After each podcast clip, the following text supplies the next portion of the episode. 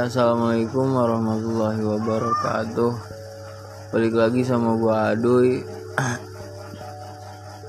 Kali ini gua mau ngelanjutin cerita kemarin yang part 1 tentang Gunung Slamet.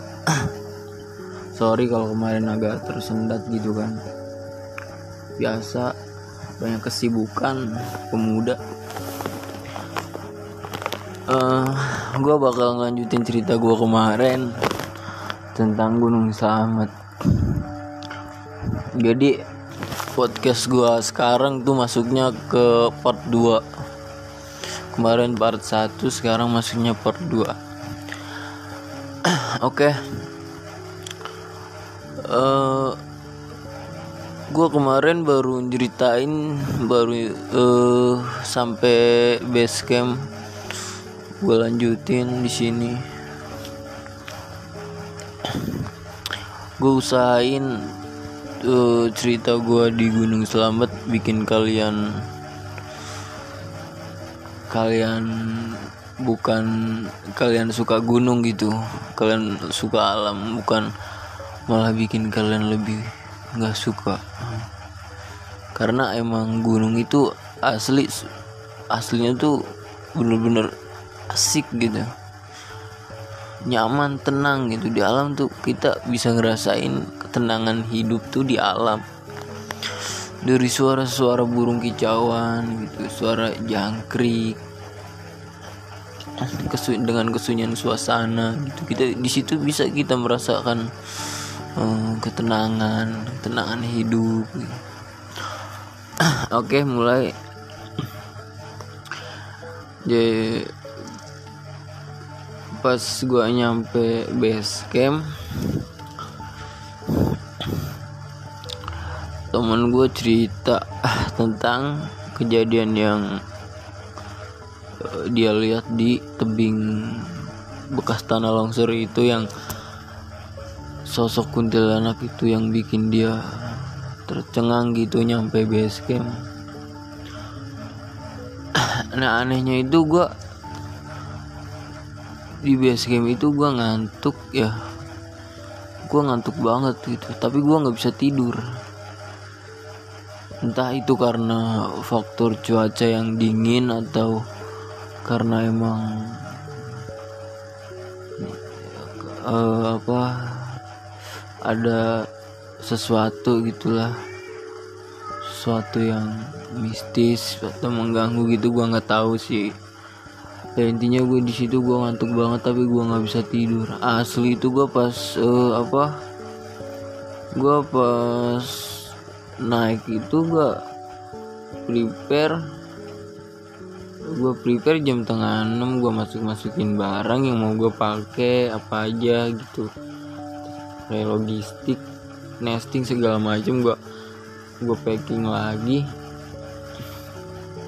gue kelar jam 6 gue sarapan ngopi sama teman-teman gue uh, jam 7 gue bayar si maksi nah gue di sini mau nambahin nih cerita. Gue jadi tuh gue uh, bayar si maksi bareng sama korban korban yang meninggal di Gunung Selamat itu sebelum meninggal itu si korban orang Magelang itu dia uh, bayar si maksinya bareng gua. Namanya Samardi. Orang Magelang. Oke lanjut. Gue bayar si maksi jam 7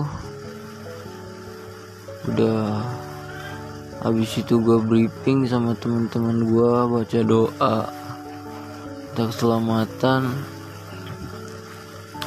Gue berangkat gue foto-foto dulu di Gapura. Habis itu gue langsung berangkat jalan. Di situ kita emang rasain senang gitu gembira bahagia. Tuh wah akhirnya gue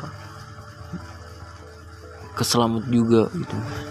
Tapi belum tentu kebahagiaan kita itu 100% kita belum tahu kan nanti di depan kita di track tuh kita bakal kena apa kenapa gitu ya. Intinya niat kita baik positif. Nah di situ gua uh, teman-teman gua kecapean karena kurang tidur. Terus teman gue salah satu teman gue ada yang nggak sarapan. Sebelum belum nyampe pos ojek belum nyampe pos satu satu aja nih tuh. Teman gue udah kelelahan gitu udah kecapean muka pucat ini segala macem. Karena dia bilang kirinya terlalu berat lah inilah oke lah gue ngalah.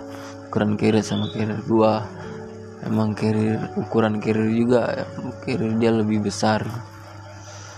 Tapi gue bener itu cerita pengalaman gue di gunung yang bener-bener mistis itu di Gunung Selamat intinya kita jalan dari base camp nyampe pangkalan ojek pos ojek itu sekitar makan waktu sekitar ada sih 20 menit kayak 20 menit 30 menitan. Nah gue di pos ojek berhenti kan istirahat. Emang itu bener-bener ya emang kita udah kerasa gitu. Nggak lama kita berangkat lagi kita jalan lagi lanjut. Nah sebelum nyampe jadi itu di di Gunung Selamet tuh kalau uh, apa kita jalan dari pos pangkalan ojek sekitar 10 meter 20 10 meter 15 meter itu itu ada ada bangunan kayak shelter gitu. Shelter. Gue shelter gue naik gue nggak gue lewat shelter gue masih naik. Nah sebelum di pos bayangan itu yang dapet di video temen gue pas ya temen gue iseng-iseng ngevlog gitulah bikin video gitu. Jadi di video itu ada sosok hitam hitam. Bentuknya sih kayak bentuk orang kayak manusia gitu tapi dia di bawah kayak ngerangkak. Kayak apa ya contohnya kayak ini manusia ngerangkak gitu kayak zombie gitu. Kayaknya kayak zombie tapi dia hitam. Ngerangkak. Nah posisi itu gue paling belakang. Itu yang ada di video temen gue pas dia bikin video gitu ngevlog gitu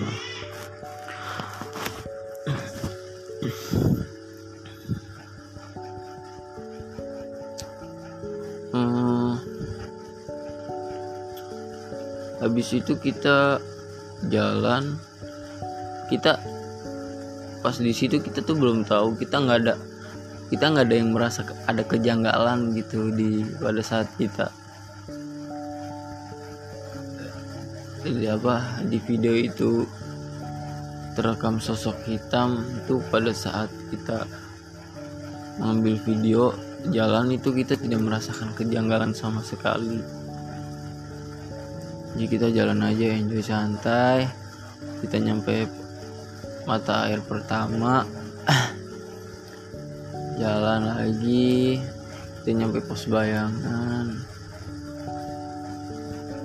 Udah nyampe pos bayangan kita istirahat. Bentar kita makan makan dulu semangka kan yang yang ada di warung yang dijualin sama ibu-ibu sekitar.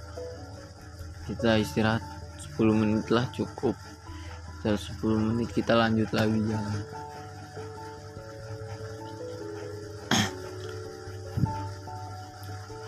Nah singkatnya kita jalan nyampe pos 2 kita berhenti bentar di pos 2 kita lanjut lagi jalan kita nyampe pos 3 nah di pos 3 itu temen gua ada satu dia kan dia lebih kayak dia tuh fanatik ke hal-hal gaib gitu. Hal-hal mistis. Gue istirahat ini terus eh dia tiba-tiba nanya ke ibu-ibu warung tanya bu emang apa ibu pernah ngalamin kejadian mistis apa budi selama selama ibu di sini? Selama ibu jualan di sini gitu. Langsung gue tegur gitu. Gue tegur. Udah nanti aja kalau mau ngomongin soal kayak gitu jangan pas berangkat gitu. Nanti aja kalau pas balik di base camp. Boleh kita omongin kita kan nggak tahu ke depannya di depan kita kenapa kenapa kenapa gitu. Kita kita kan nggak tahu